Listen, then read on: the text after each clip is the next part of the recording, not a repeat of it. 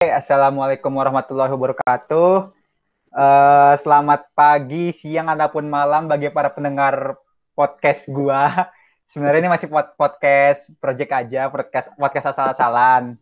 Tapi kalau emang misal podcast ini nanti ke depannya baik mendengarnya dan juga mungkin buat kalian bermanfaat, semoga insya Allah podcast ini bisa langsung apa ya, ya bisa berkepanjangan lah, bisa bertahan lama dan juga tentunya bisa ter, bisa selalu setia di telinga kalian para pendengar. Oke. Jadi di edisi perdana kali ini gue kedatangan tamu nih seorang social traveler wah parah dah luar biasa pokoknya reputasinya kalau masa kalau ngomongin tra traveling sama nih orang nggak akan ada habis-habisnya deh intinya Oke, gue kenalkan ada Bang Alaf Ingmar. Halo, halo Bang. Halo, Assalamualaikum. Salam. Oke, Bang. Gimana kabarnya, Bang? Alhamdulillah baik luar biasa. Hmm, Alhamdulillah. BTW minal aidin wal faizin ya, Bang? Iya, minal aidin wal faizin. Ya. Kan kebetulan juga masih dalam suasana lebaran nih. Oh, masih, masih walaupun sudah lewat beberapa hari ya. iya, udah semingguan ya kayaknya ya. Ya, iya, ya, seminggu seminggu. Oh iya. BTW sekarang kegiatannya ngapain aja nih, Bang? Uh, kalau gue sekarang lagi lanjut ekstensi sih di salah satu kampus yang ada di Jawa Timur di hmm. bidang pertanian juga. Hmm. Gitu. BTW gimana nih Bang kegiatan travelingnya selama pandemi ini? Uh, kegiatan travelingnya uh, terhalang dan ya pusing. ya gimana?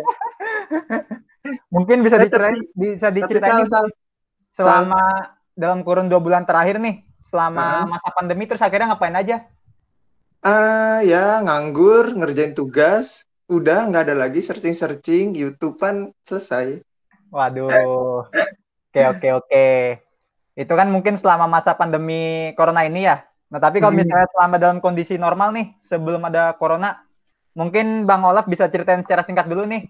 Udah ke mana aja sih travelingnya kalau yang paling berkesan sebenarnya pengalaman pertama kali gue sih yang pertama kali gue terjun di dunia sosial traveling ini. Jadi uh, sebelum itu jauh. Jadi gue tuh udah mencoba daftar yang program-program full founded. Hmm. gitu. Jadi gue kan ngikut kayak ngikut orang gitu tahu dari teman. Ternyata oh ada loh yang seperti ini. Gitu. Nah dan gue awal tahu tuh dari banana. Jadi iya. temen gue itu ngasih tahu tuh banana dulu. Oh banana ada nih. Gitu. Karena temen gue tahu kan gue suka traveling. Ah. jadi banana dulu. Nah gue mau ikut tuh. Harusnya jadi pengalaman gue pertama yang warung Banten Iya. Yang kita ketemu pertama kali itu Sal. Ayo i. Ya, seleksi bareng. Nah, harusnya ah. itu pertama kali gue, tapi berhubung karena gue di vokasi dan ya ya Sabtu aja masuk vokasi sampai sore, jadi hmm, oke okay, tidak bisa. Tapi ya akhirnya gue mencoba keluar, mencoba cari di luar, ternyata ada yang di hari libur. Hmm. Dan itu ternyata pengalaman gue tuh pertama kali gue pergi jauh ke Sulawesi Tenggara. Hmm. Gitu. Nah, yeah. di Sulawesi Tenggara itu menarik banget sih karena perjalanannya jauh terus kita harus pakai kapal lagi dan itu pulaunya tuh tahu nggak lu bayangkan satu pulau tuh bisa lu jalan kaki nginterin 15 menit. Mantap, waduh waduh waduh mantap. Iya. Di situ juga nggak ada nggak ada list eh ada listrik cuma pakai genset. Jadi belum ada listrik hmm. masuk ke sana air hmm. tuh susah lu kalau mandi tuh lengket bang air laut ya bang ya nggak usah sabunan airnya gitu. kalau betul filtrasi dari air laut ya iya iya iya jadi hmm. air laut itu di enggak sebenarnya air bor tanah cuman hmm. kayak payau gitu payau dicampur oh. air biasa galonan tetap lengket jadi lu nggak yeah. bisa mandi yeah. bersih jadi nggak usah pakai sabun Kalau boleh tahu bang, konkretnya di daerah mana tuh bang Sulawesi Tenggaranya?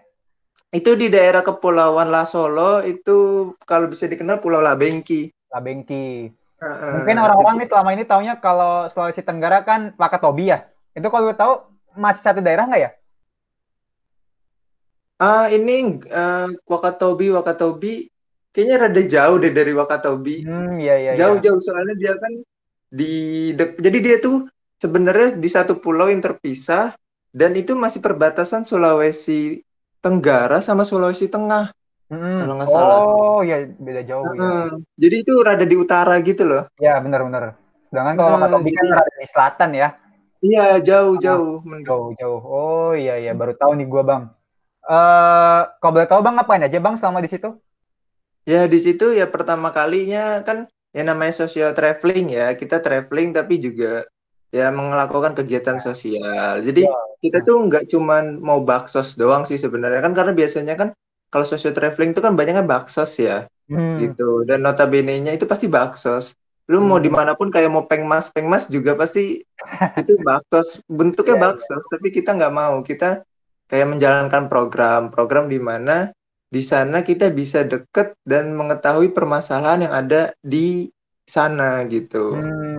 Nah, setelah itu kita coba membuat suatu kreasi di mana oh ternyata di sini penghasil eh, apa apa kulit kerang gitu loh, Sal.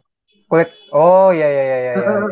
Gitu. Nah, gimana caranya kulit kerang itu bisa dipasarkan? Nah, permasalahan mereka sebenarnya mereka bisa ada pengrajinnya. Hmm. mereka masih terkendala sama eh, ini distribusinya karena itu kan Eh, dari satu pulau ke misalnya ke kotanya itu kan naik kapal 4 jam, terus Hmm. jalan lagi darat tuh dua jam. Jadi kan Hmm. terlalu apa ya bahasa Sunda itu terlalu olok. Oh ya ya ya. Ya. Terlalu olok untuk biaya distribusinya padahal nggak seberapa untuk harganya itu gitu. Ah. Eh, tapi Gitu, bang, gitu. pengamatan lu pas itu dari pe- pemerintah setempat ada perhatian nggak kira-kira? Nah, menarik nih kalau kita ngomongin pemerintah nih. Nah, sebenarnya eh, gue nggak tahu salah di mana, tapi menurut gue dari eh, pemerintah daerah yang kabup eh, ya dari kabupaten dan lain-lainnya itu itu masih mendapat perhatian karena itu objek wisata sal Hmm, deket sama ya, objek betul. wisata Hmm. gitu. Nah, cuma nggak tahu di bawahnya ini nih, di bawahnya kan ada camat, lurah dan lain-lainnya nih. Nah, Nah, itu yang gua nggak habis pikir ini, padahal ini pemerintah itu apa ya, sangat menggalakkan karena itu kan objek wisata hmm. gitu. Tapi, Iya benar. nah dari bawah-bawahnya ini nggak nggak ya gue nggak juga nggak bisa nilai ya, tapi kayaknya Hmm. kurang ger gitu. Padahal ya gue lihat yang dari pemerintahan daerahnya tuh mendukung sekali gitu. Hmm, iya. Mungkin Heeh, jadi kayak mungkin infrastrukturnya pun juga ada didukung ya bang di sana ya. ya kalau untuk infrastruktur ya itu ibarat kayak udah di kayak pulau pribadi gitu loh. Jadi di Oh, seberang sana tuh ada pulau pribadi. Nah, itu objek hmm, wisatanya di situ. iya iya Nah, iya. itu kayak lu bisa bayangkan Raja Ampat, nah hampir mirip di situ. Hmm, Gugusan-gugusan kayak batu-batu karang yang bertumpuk dan ada hmm, eh, apa kayak ya love bentuk gitulah. hmm. Waduh, Gitu. boleh dah. Surga Indonesia Iya, mungkin nih ya, bisa dibilang salah satu surga. iya, iya, iya, benar, benar, benar. Replika Tapi surga. Tapi back turis asing nggak bang yang udah ke situ? Kenapa? Turis asing udah banyak yang ke situ belum? Wah, tur kalau turis asing banyak banget, Sal, sumpah banyak banget. Oh, Justru orang Indonesia sendiri yang nggak tahu ada itu gitu. nah Turis iya. asing yang tahu. Hmm, kayak gue yakin banyak orang Indonesia yang masih belum tahu kayaknya tentang Labengki itu. Wah, banyak, Sal, banyak, banyak. Dan gue juga pertama kalinya itu. Nah, mungkin ini jadi PR pemerintah lagi ya. Apalagi ntar kan menyambut pariwisata new normal nih. Mm-mm. Tentu ya pariwisata harus siap sih dalam menghadapi kondisi ini. Eh, menurut lo gimana sih Bang pendapat lo nih tentang new normal di pariwisata?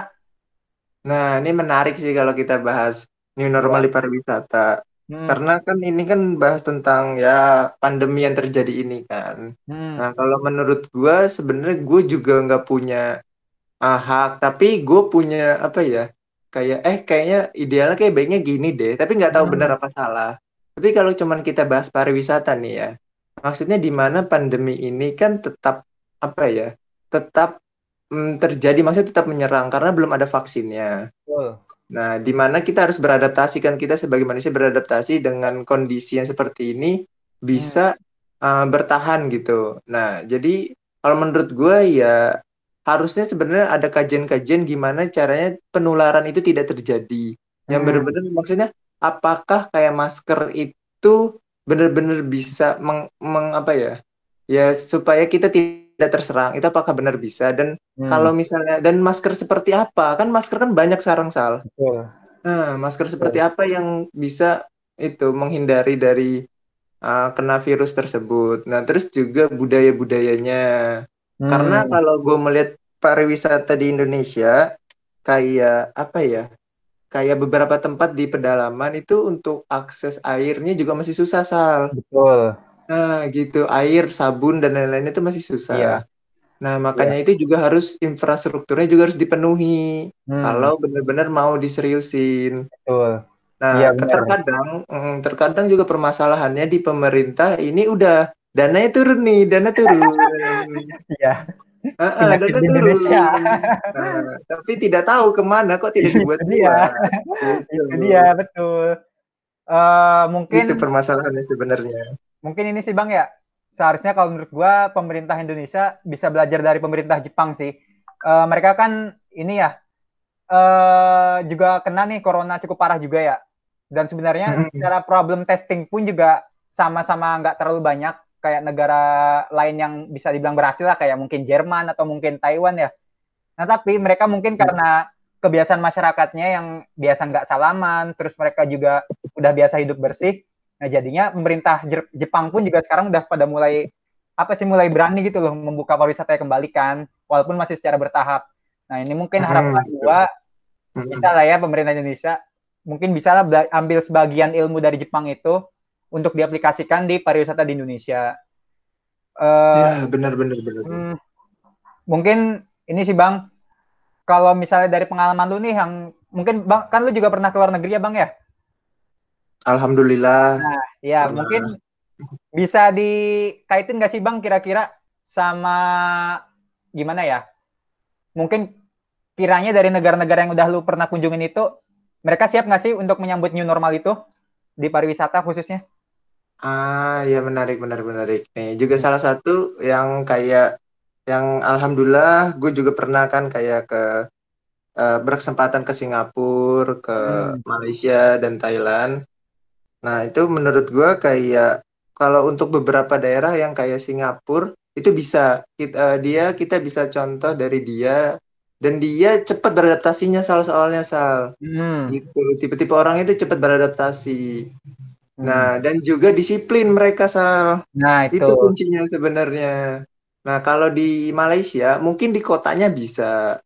Cuman kan ada, kan Malaysia kan juga cukup luas kan. Iya. Gitu. Dan menurut gue itu yang PR juga sih. Sebenarnya Malaysia dan Indonesia itu hampir sama PR-nya karena beberapa eh, beberapa orang itu masih kurang disiplin sih menurut gue.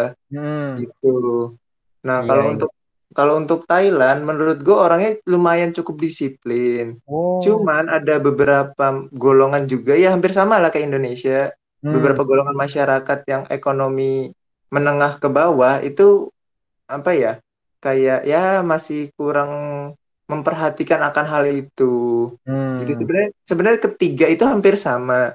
Cuman ya sebenarnya kalau kita mau mengatasi ini ya kebalik lagi ke diri kita gitu, budaya kita yang benar-benar harus bisa menahan itu Benar. semua, disiplin Iya. gitu. Seben- uh, uh, sebenarnya Hmm. kayak gitu. Ya sih, mau nggak mau memang dari pemerintah sendiri harus bisa galakin ke masyarakat sih tentang PHBS, pola hidup bersih sehat. Iya. Bener bener bener bener. Tapi Mungkin- lucu nih, Sal, lucu kalau Iya, ngomong iya. PHBS nih.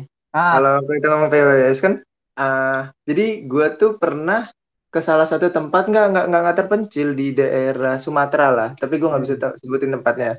Nah Hmm. itu lucunya eh, ada satu bapak-bapak kan kita ngasih penyuluhan gitu kan PHBS, cara cuci Iya. tangan dan lain-lain.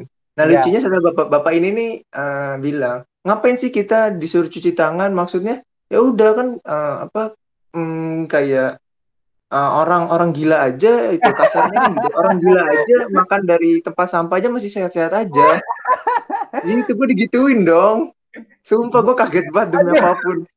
Itu bener rame-rame sal malu banget gue demi apa pun. iya Itu iya. kan ada anak-anak, ada yang Ah. dewasa, ada yang remaja. Nah, Iya. gua keba- kebagian yang dewasa kan, Ah, bapak-bapak.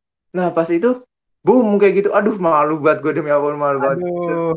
Heeh, terus kata gue, tapi gue masih masih berusaha kayak Iya ya iya. Pak, jadi gini Pak, supaya tidak ada bakteri kuman dan lain-lainnya gue jelasin gitu. Tapi bapak itu masih ngotot sal, sumpah itu ngotot banget. Dan gue Aduh. kayak berpikir sekarang gimana ya dia berpikir saat yang saat pandemi ini dia memprotes itu ya. Gitu, Iya. jadi kayak Iya gue apa aduh, ya? takut kayaknya di masa sekarang apa ya rawan banget pasti tuh masyarakat-masyarakat yang Hmm. kayak gitu. Iya, bener bener bener. Hmm.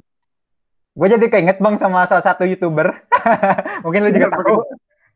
Yang itu, yang nganggep remeh corona, Ah, iya, iya. Nah, iya. ya kan, tahu kan? Dia bilangnya nggak usah cuci tangan lah atau apalah. Padahal dia orang Jakarta loh. Hmm, Ini gue nggak paham sih. Gue nggak paham. Aja masih ada kayak gitu orang pemikirannya. Gak habis pikir gua. Iya, iya, iya. Karena ya namanya manusia Sal ya. Kadang Iya. berpikirnya juga kita nggak tahu dia mau ke mana. Apakah dia juga ada masalah apa, ada masalah apa yang lainnya. Hmm. Jadi banyak faktor juga gitu. Iya. Kasihan Iya, sih. iya. Oke, oke Bang. Mungkin kita balik lagi ke pariwisata secara umum aja ya. Ah, Nah, oke. kebetulan kan di Instagram lu banyak banget nih apa sih highlight-highlight tentang daerah-daerah indah di indah di Indonesia nih. Mm-mm. Hmm, gokil lah, baik banget dah. Pokoknya buat kalian yang pengen tahu referensi wisata di Indonesia, sok bisa mampir di IG-nya Bang Olaf. Nah, tapi Iya. ada salah satu tempat nih Bang yang rada gua penasaran nih sama salah satu dari penjelajahan lu, yaitu daerah Mentawai Bang. Nah, jadi Oh, gini, ya. Ah, Mentawai kan itu terletaknya di Sumatera Barat ya. ah. Sedangkan Sumatera Barat itu kan secara umum kan agamanya kuat ya, agama Islam. Nah, Mentawai ini kan bisa dibilang kayak pencilan ya, daerah mayoritas Kristen atau Katolik iya. ya. Mm-mm. Nah, mungkin lu bisa diceritakan lebih lanjut Bang mengenai daerah Mentawai itu Bang. Soalnya ini menarik banget nih Ah. kalau menurut gua. Mentawai, Nah, oke, oke. Gue kayaknya juga. berkebal- apa ya? Berkebalikan banget gitu loh sama Sumatera Iya. Barat secara umum. Bener-bener jauh, jauh, jauh, Nah, jauh. itu. Nah, jadi menarik banget sih memang kalau Mentawai. Jadi sebelum gua uh, ke Mentawai itu gue sempat riset dulu, Sal. Hmm. Karena kan gue melakukan perjalanan, gue tuh suka ke um, kayak ngobrol sama orang untuk mengetahui budaya. Hmm. Karena ya keresahan gue tentang keagamaan ini gitu loh. Maksudnya tentang uh, konflik agama yang ada di Indonesia ini. Padahal yang gue rasa Indonesia tuh beragam-ragam gitu. Maksudnya Hmm. ya macam-macam. Kita nggak cuma satu agama, nggak cuma nggak nggak satu suku, tapi kita tuh Hmm. beraneka ragam. Kan bineka Ya. tunggal ika kan. Yoi, Kita betul. bineka, tapi ya kita tunggal ika gitu. Nah, menariknya kalau di Mentawai ini, gue riset ternyata Mentawai ini memang pencilan dari Sumatera Barat. Betul. Karena dia uh, kalau nggak salah kalau gue pernah baca artikelnya itu dia itu memang karena uh, masih deket sama Sumatera Barat. Nah tapi Utara ya sebenarnya Bang maksudnya. kenapa? Masih masih masih dekat sama Sumatera Utara ya? Ah, ah, enggak Iya, iya. Sumatera Barat, Sumatera Barat. Padahal Oh, uh, oh iya. iya. harusnya garis-garis keturunan sukunya itu sebenarnya dari Sumatera Utara, Sal. Iya. Nias Ah, ya ya? Nias, Ah, Nias gitu. Nah menarik. Nah kenapa masuknya ke uh, Sumatera Barat karena lebih deket ibu apa ya ke kota pemerintahannya gitu loh. Hmm. pemerintah daerahnya. Karena Iya. kalau ki- kalau ke utara itu jauh, jauh lebih jauh lagi. Hmm. Jadi, eh, gitu. Jadi menarik banget sih pas gua ke sana. Ya itu, wah, itu bener-bener gua pertama itu pertama kalinya gua nggak punya orang. Maksudnya gua nggak punya saudara di situ. Gua nggak Hmm. kenal siapa-siapa. Hmm. Dan gua nggak nggak apa nggak ya agamanya berbeda. Gue tahu gue gue udah siap akan hal itu. Hmm. gitu. Dan 6 jam perjalanan di laut lepas itu kan lumayan. Gitu. Ah. terombang ambing oh mabok gue itu bener. Mabok. Sumpah pengen pengen muntah gue pengen nangis itu. Mabok buat gila. Oh soalnya ombaknya keras sal kenceng dia Hmm. karena salah satu destinasi Hindia kan ya itu ya? Mm-mm, destinasi wisata yang disukain bule karena ombaknya Iya, surfing. gitu Ah. Hmm. gitu nah itu bener-bener gede banget sih gue ngalamin ternyata seperti ini ya oke Hmm. menariknya sih pas nyampe Mentawai karena gue mungkin tipe gue nggak berpikir panjang ya maksudnya gue bakal tinggal di mana gue gimana nggak jadi gue yang penting gue nyampe dulu aja gitu mau gimana Hmm. nanti ntar nah pas nyampe ini gue nggak tahu nih sumpah gue nggak mau nggak tahu ngapa-ngapain lihat orang lain tuh dijemput saudara dijemput saudaranya di Iya. pelabuhan. Gue tuh Nah. nggak tahu siapa-siapa. Ya udah gue jalan aja. Eh ternyata gue lapar kan? Ah. gue lapar nih. Selama 6 jam perjalanan gue lapar lah. Udah mabok lagi kan? Udah nggak enak banget. Ah. nah gue ke warung tuh ada warung terdekat tuh. Iya. ya udah gue makan dulu kan? Santai menikmati dulu menikmati. Sambil makan sebenarnya gue dipikir. Kenapa? Makannya apa tuh? makannya nasi padang ada nasi padang di sana Nasi Padang. Oh, masih ada ya. masih ada masih ada masih ada Oke, oke. nah terus kebetulan ya udah terus ya sambil menikmati sampai gue mikir ini gue tinggal di mana Hmm. terus gue mau ke mana juga nggak tahu Hmm. gitu nah akhirnya iseng lah gue nanya ke ibu-ibu karena ibu itu nanya, nanya ke gue duluan dek dari mana gitu pakai bahasa Indonesia sih Iya. dari dari saya bilang dari dari dari Bekasi bu Bekasi di mana katanya Hah? oh bu Jakarta bu gitu Iya, oh iya, iya. Jakarta iya mau ngapain mau pulang ke sini enggak bu saya nggak tahu ke sini pokoknya saya mau ke sini saya mau ketemu sama si Kere yang eh, dukun adatnya Oh iya iya iya Gitu. iya. iya. Ah, Ah, terus dikasih tunjuk sama ibu oh ya udah ke sini aja gitu. Terus saya tapi saya nggak punya kendaraan bu. Saya nggak punya siapa-siapa. Oh nggak apa-apa tenang aja. Nanti uh, adik saya nganter. Bener dong cuman bayar lima belas ribu katanya katanya gitu. aduh, gila gila.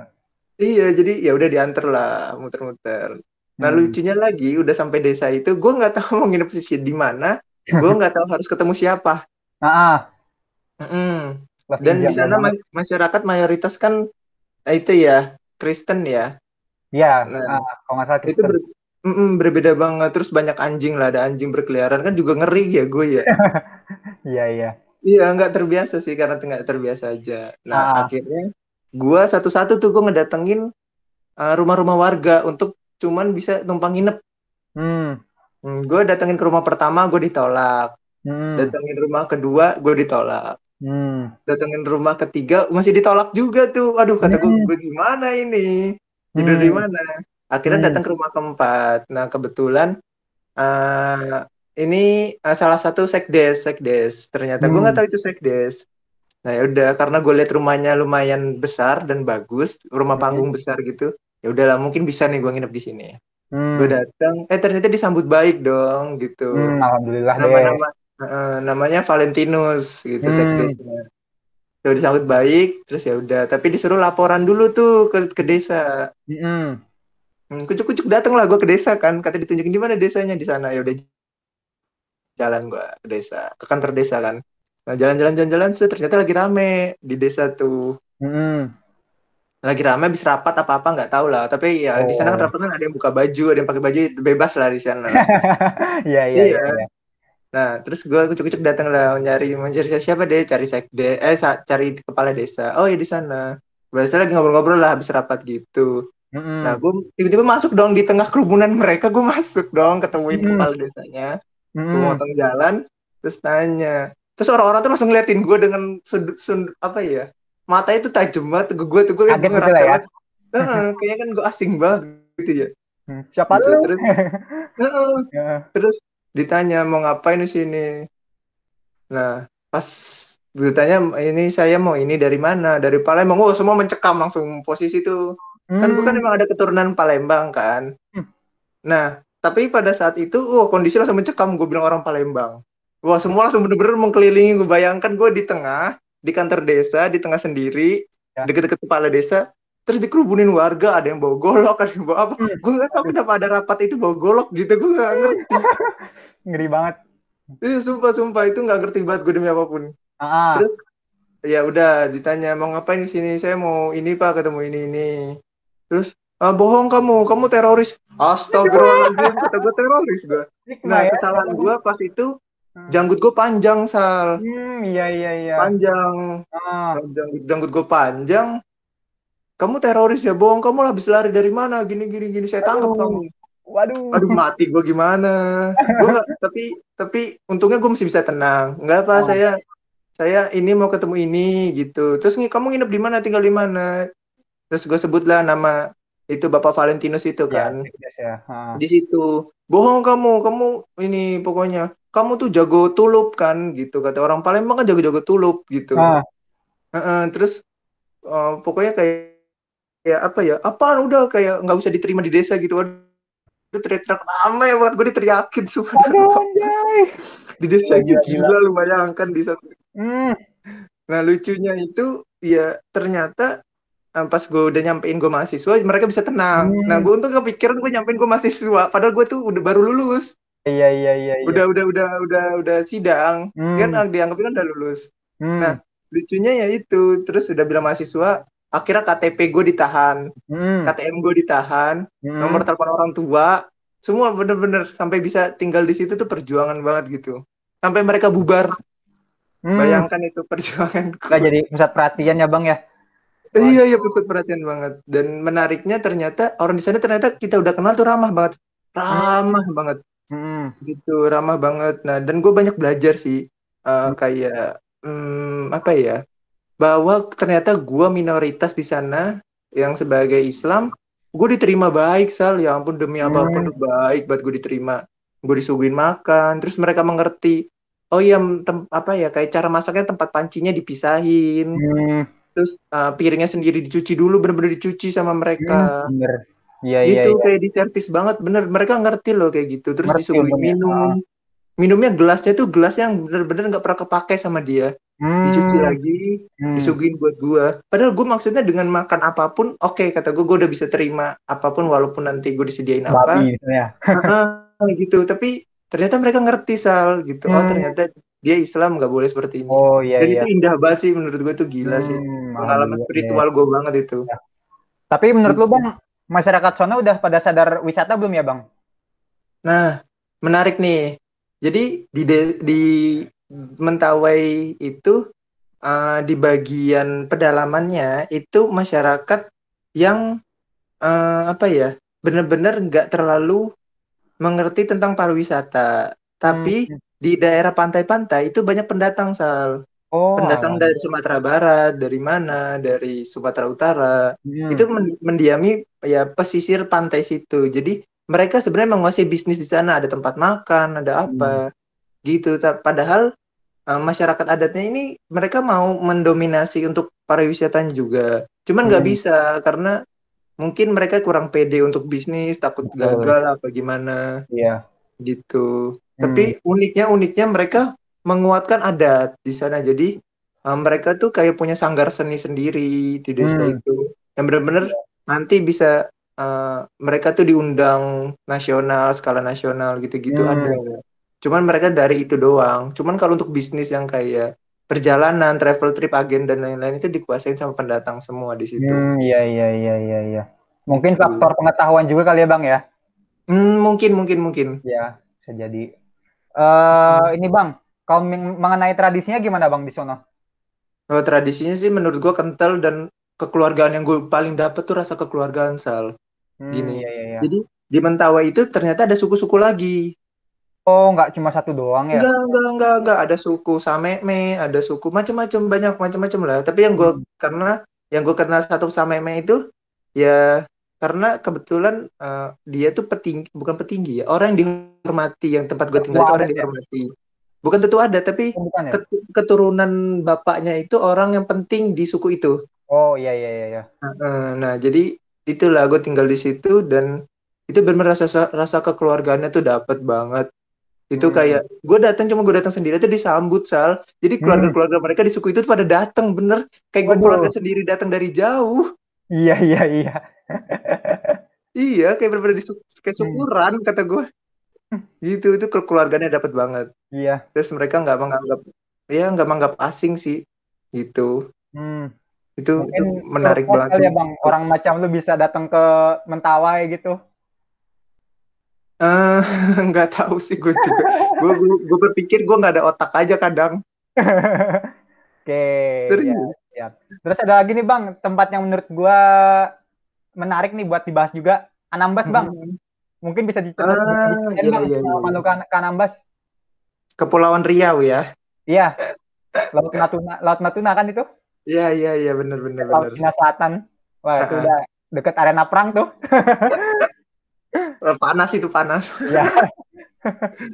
Iya iya Natuna Natuna Anambas itu menarik sih itu Kepulauan Riau dan itu kalau gue menyebutnya gue nggak mau menyebut Laut Cina Selatan karena itu Laut Indonesia Utara. Gue Laut mau Natuna itu ya. Utara ya, kalau nggak salah namanya sekarang.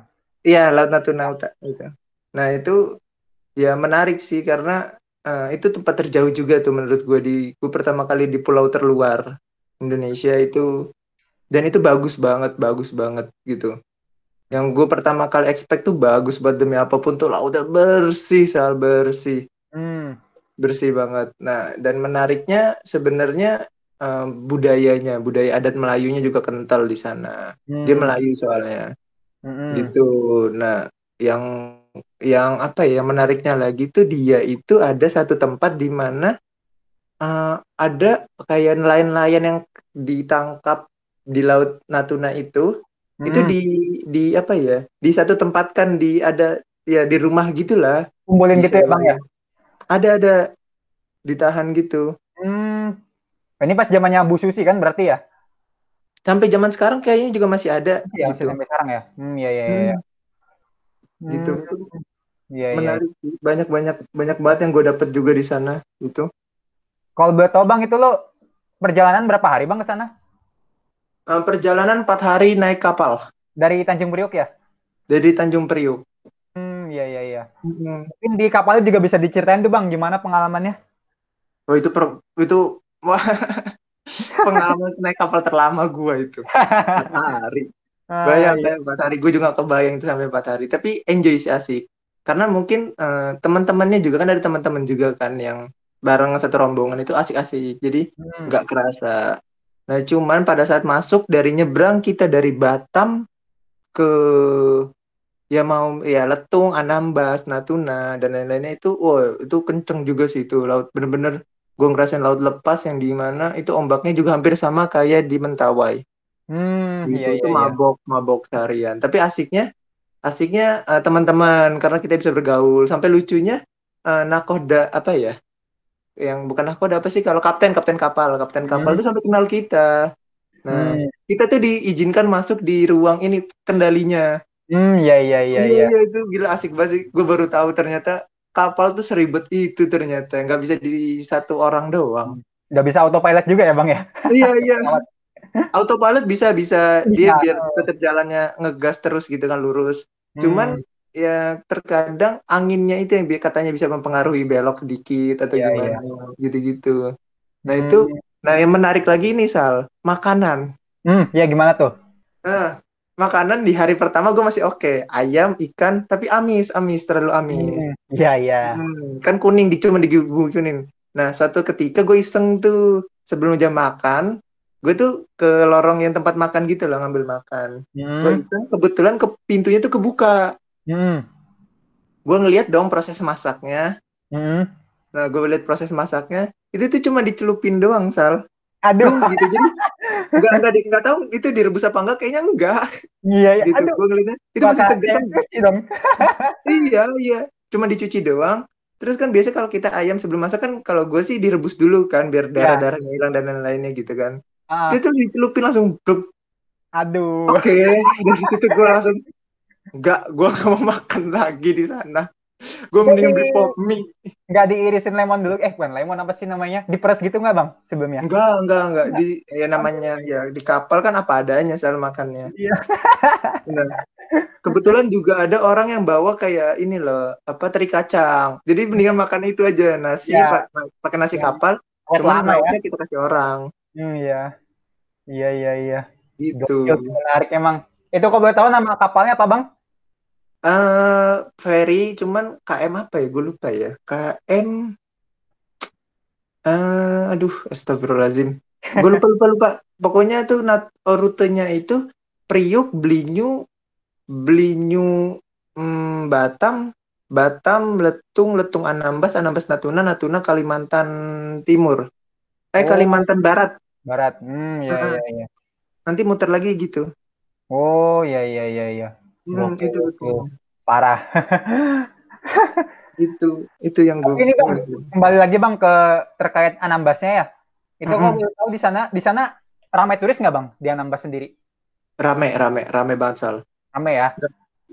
Domestik turis domestik tuh nggak ada turis bule semua makanya Aduh. gue juga kadang bingung ya ini karena orang tidak tahu orang tidak mampu apa orang kayak apa ya nggak tertarik sendiri gitu loh Iya ya. Banyak Heeh. banget orang di Indonesia yang justru malah lebih kenal lebih dikenal sama orang asing daripada sama orang Iya, lokal. bener bener bener Ya, ini PR Gitu. banget sih buat pemerintah. Sama kita kita juga sebagai ya mungkin sebagai apa sih eh, pemuda yang sadar akan potensi pariwisata Indonesia, kita juga harus bisa tergerak sih dalam Iya. mengembangkan potensi-potensi wisata itu. Eh, bener bener bener mungkin balik lagi nih Bang ke terkait spot wisata apalagi ya yang menarik ya menurut gua. Kalau di, di Indonesia Timur Bang, selain Labengki ada lagi nggak Bang yang pernah lu jelajahin?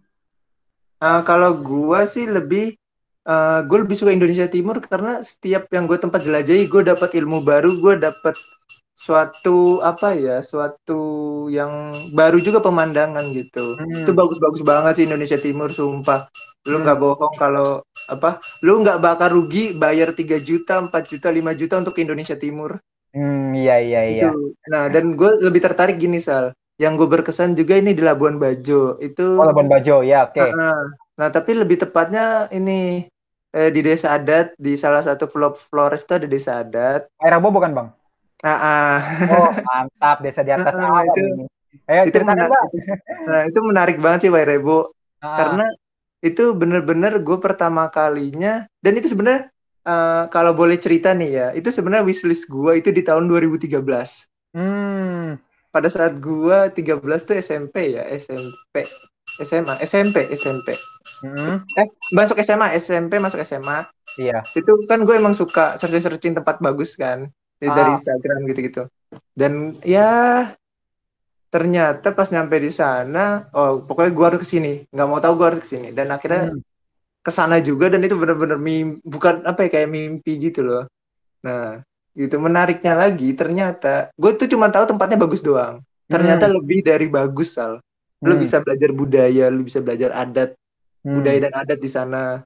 Lu hmm, bisa tahu kondisi masyarakat yang ada di sana, perbedaan apa? Perbedaan ya kultur Hmm. gitu. Sama Hmm. lu tahu keadaan Indonesia. Maksudnya dalam arti hmm, oh ternyata pemerintah itu belum benar-benar nyampe ke timur gitu, hmm. apalagi di daerah-daerah pegunungan. Iya iya iya.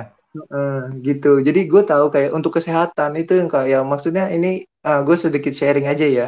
Untuk kesehatan minimal obat aja itu salah satu tahun sekali baru datang Waduh. Dan itu satu tahun itu juga cuman indennya doang gimana ya? Pemesanannya Pemesanan. doang gitu. Nah, itu iya, itu iya. bisa dua tahun lagi. Jadi gimana ya? Datangnya tuh bisa dua tahun gitu. hmm, Gitu dan itu bener-bener dokter juga tenaga kesehatan nggak ada. Itu cuman Hmm. ada bidan kalau nggak salah bidan. Ya itu perawat Hmm. gitulah. Itu cuma ada di situ. Padahal itu di puskesmas sal. puskesmas ya padahal Heeh, yang puskesmas. terdekat Nggak ada sama masyarakat itu padahal. Nggak ada dokter di sana.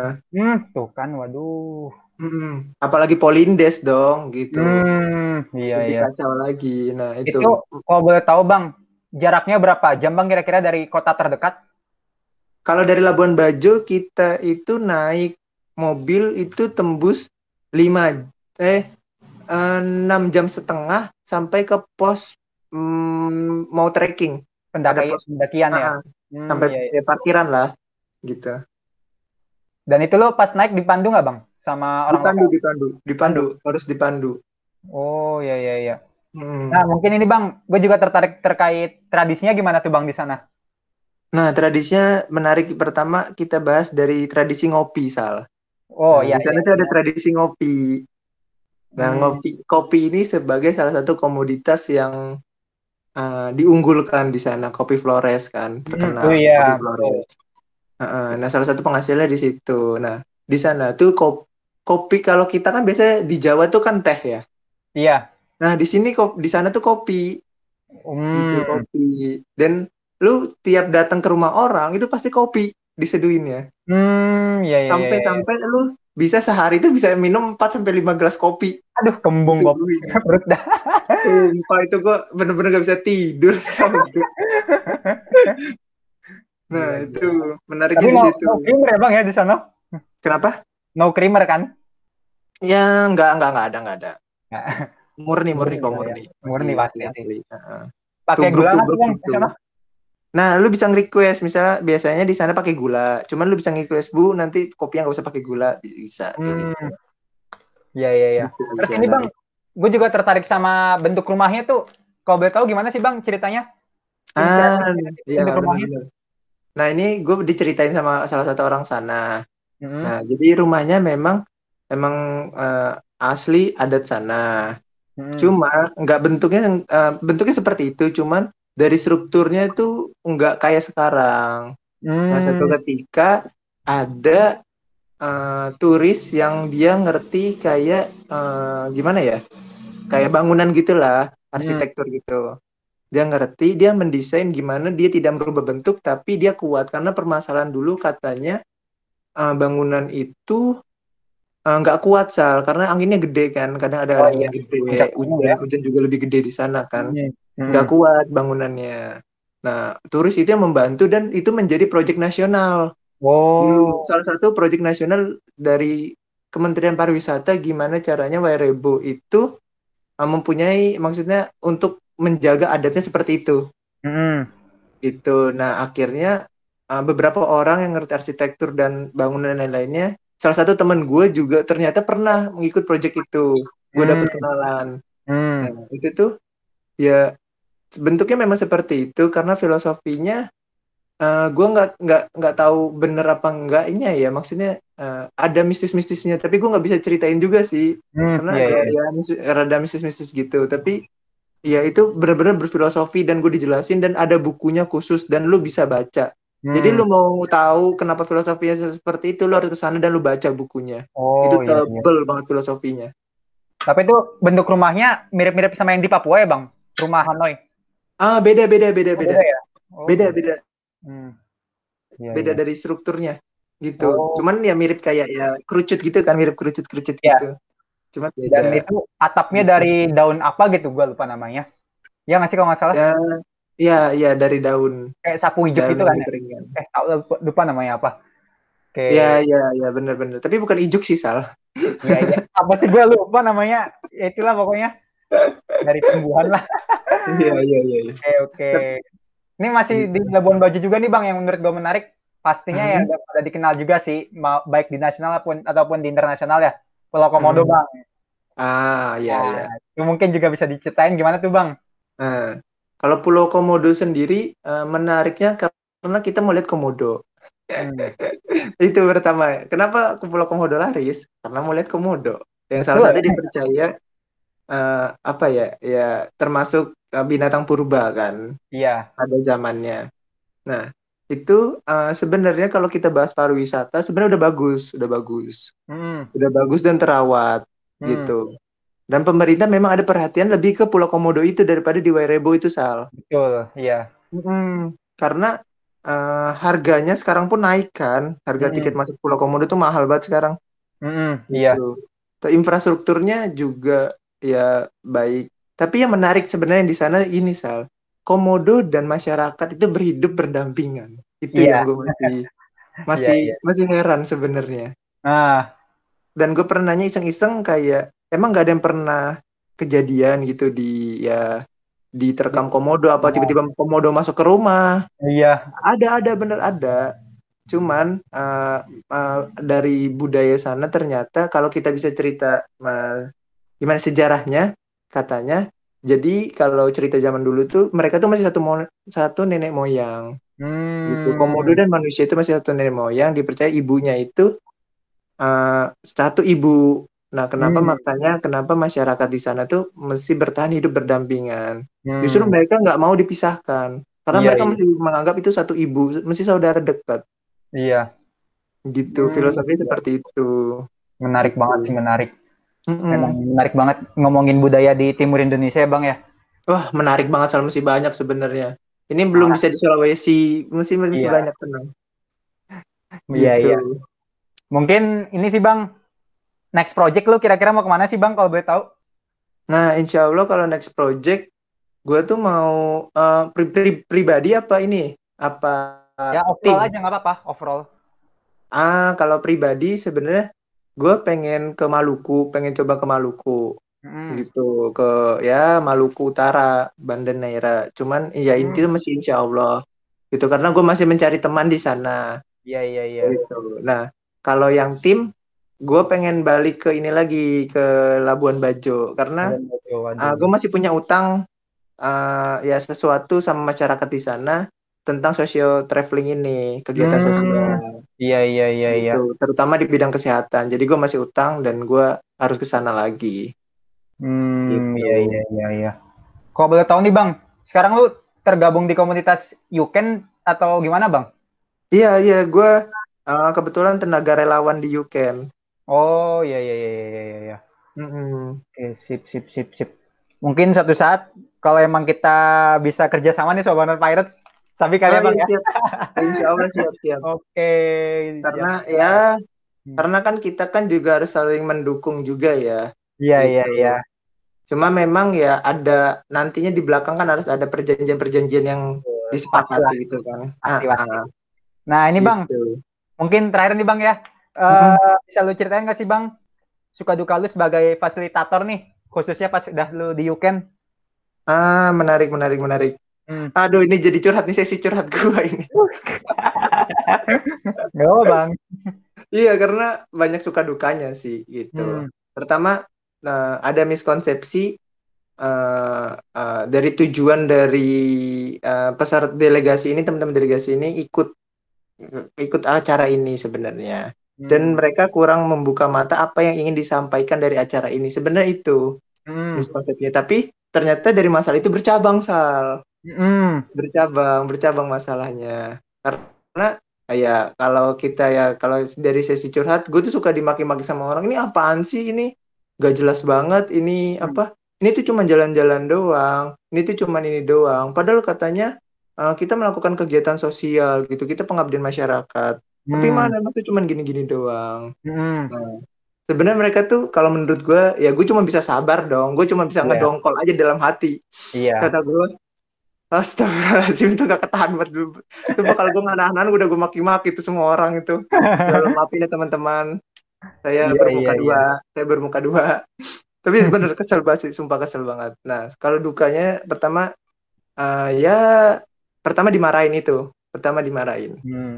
Dimarahin delegasi yang mungkin uh, belum paham belum paham apa uh, makna dan bisa diambil dari kegiatan ini hmm. itu maknanya yeah. seperti itu ya nah karena ya kan namanya kegiatan sosial nah sebenarnya kayak gini loh kalau menurut gue munafik nggak sih kalau kita bilang bahwa kita tuh ingin merubah suatu tempat padahal kita masih in mahasiswa, kita masih apa?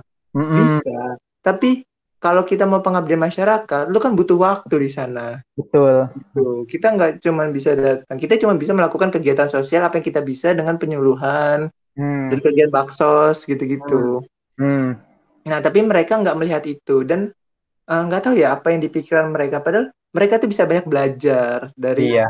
berkenal dengan masyarakat bahwa cerita-cerita iya. dan iya. kesalahan dari delegasi ini biasanya mereka tuh cuma mau bergaul dengan ya muter-muter di ininya mereka aja teman mereka, mereka aja, ya uh-uh. iya, iya, iya, padahal iya. kita tuh harus bergaul dengan masyarakat kita ngobrol hmm. kita ini kita jalan-jalan ke mana main sama anak kecil iya, iya. gitu nah biasa itu kesalahan dari delegasi itu cuma mainnya seperti itu main-main gitu iya. doang nah iya. jadi mereka tuh nggak menangkap maksud dari apa yang ingin disampaikan bahwa oh ternyata lu bisa belajar bahwa kondisi kesehatan Indonesia itu seperti ini. Oh, hmm. Oh, pendidikan di sini tuh seperti ini. Hmm. Oh, ternyata potensi wilayah sebenarnya ini tapi memang tidak berkembang. Oh, oh, ternyata ada terjadi rantai putus dari pemerintahan daerah ke pemerintah yang lebih bawahnya lagi. Hmm. Gitu. Jadi lu bisa belajar seperti itu yang mereka ya mungkin dia belum bisa memahami itu sebenarnya hmm. gitu dengan mengobrol. Makanya gue tuh suka mengobrol dengan orang itu sebenarnya gue banyak dapat info gitu banyak dapat hmm. info informasi yang ya menurut gue penting dan gue bisa tahu iya. Gitu ternyata kondisinya seperti ini. Karena biasanya kita teori dan praktek tuh beda di lapangan gitu. Uh. nah kita bilang kayak oh ternyata Indonesia udah berjalan ternyata seperti ini dengan iya. program pemerintahan yang hmm, sekarang udah online. Nah sedangkan di sana aja susah. Iya. Oh, gimana? Iya. listrik aja belum masuk. Iya. Itu itu yang kita, sebenarnya harus kita pahami sebenarnya di situ. Ternyata Indonesia ini belum sama gitu. Iya. Barat sama gitu. timur masih ada kesenjangan ya bang ya hmm, masih masih masih. Apalagi Jawa. Jangan jangan hmm. barat timur lah. Pulau aja itu masih kesenjangan. Pulau Jawa tuh menurut gue lebih berkembang daripada pulau-pulau lainnya sebenarnya. Iya. Gitu. Uh, sip. Uh, ini hmm. mungkin harapannya dari podcast ini nih buat para pendengar ya khususnya yang pada terkait dengan hal terkait social traveling bisa diambil nih intisari dari omongan yang Bang Olaf tadi udah sampaikan bahwa dari social traveling ini kita nggak cuma ngelakuin pariwisata dan juga aksi sosial, tapi kita juga bisa um, menangkap suatu permasalahan yang ada di lokasi kita tuju dan juga tentunya kita juga bisa apa ya berkontribusi juga terhadap kemajuan masyarakat setempat. Mungkin bisa dengan aksi langsung ataupun mungkin dengan cara uh, mencari permasalahan di situ terus kita ajuin solusinya ke pemerintah dan kita tinggal berharap pemerintah yang terkait juga bisa uh, apa ya mengatasi permasalahan yang ada di lokasi tersebut. Nah mungkin itu sih ya terkait social traveling apa sih manfaat-manfaat social traveling yang bisa kita ambil nih. Nah mungkin buat penutup bang, pesan hmm. lo terkait buat para social traveler nih, khususnya ah, okay. nanti kalau mereka udah pada mau melakukan pariwisata di new normal. Hmm oke okay, oke okay, oke, okay. menarik sih ini. Uh, gue selalu tertarik banget kenapa uh, kenapa kita harus melakukan traveling sebenarnya. Mm-hmm. Gitu.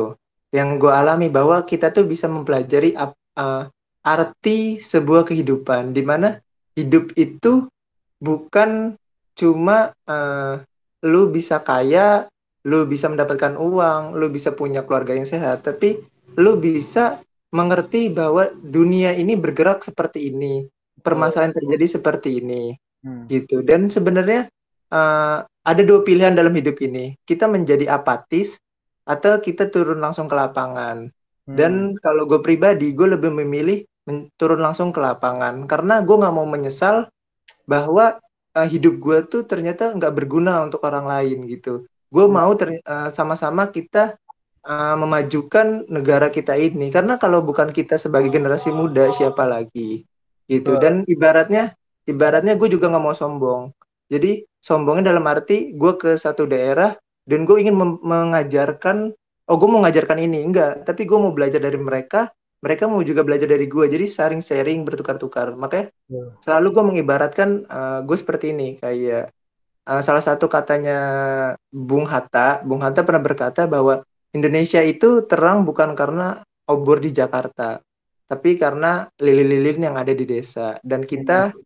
Menjadi uh, salah satu pemantik lilin tersebut itu ah. yang gue selalu tanamkan itu Mantap, mantap, luar biasa Bang Olaf. Terima kasih nih yeah. buat iya. Bang Olaf. Oh enggak santai-santai, gue juga lagi Semoga dari podcast ini bisa menginspirasi banyak orang untuk melakukan social traveling ya.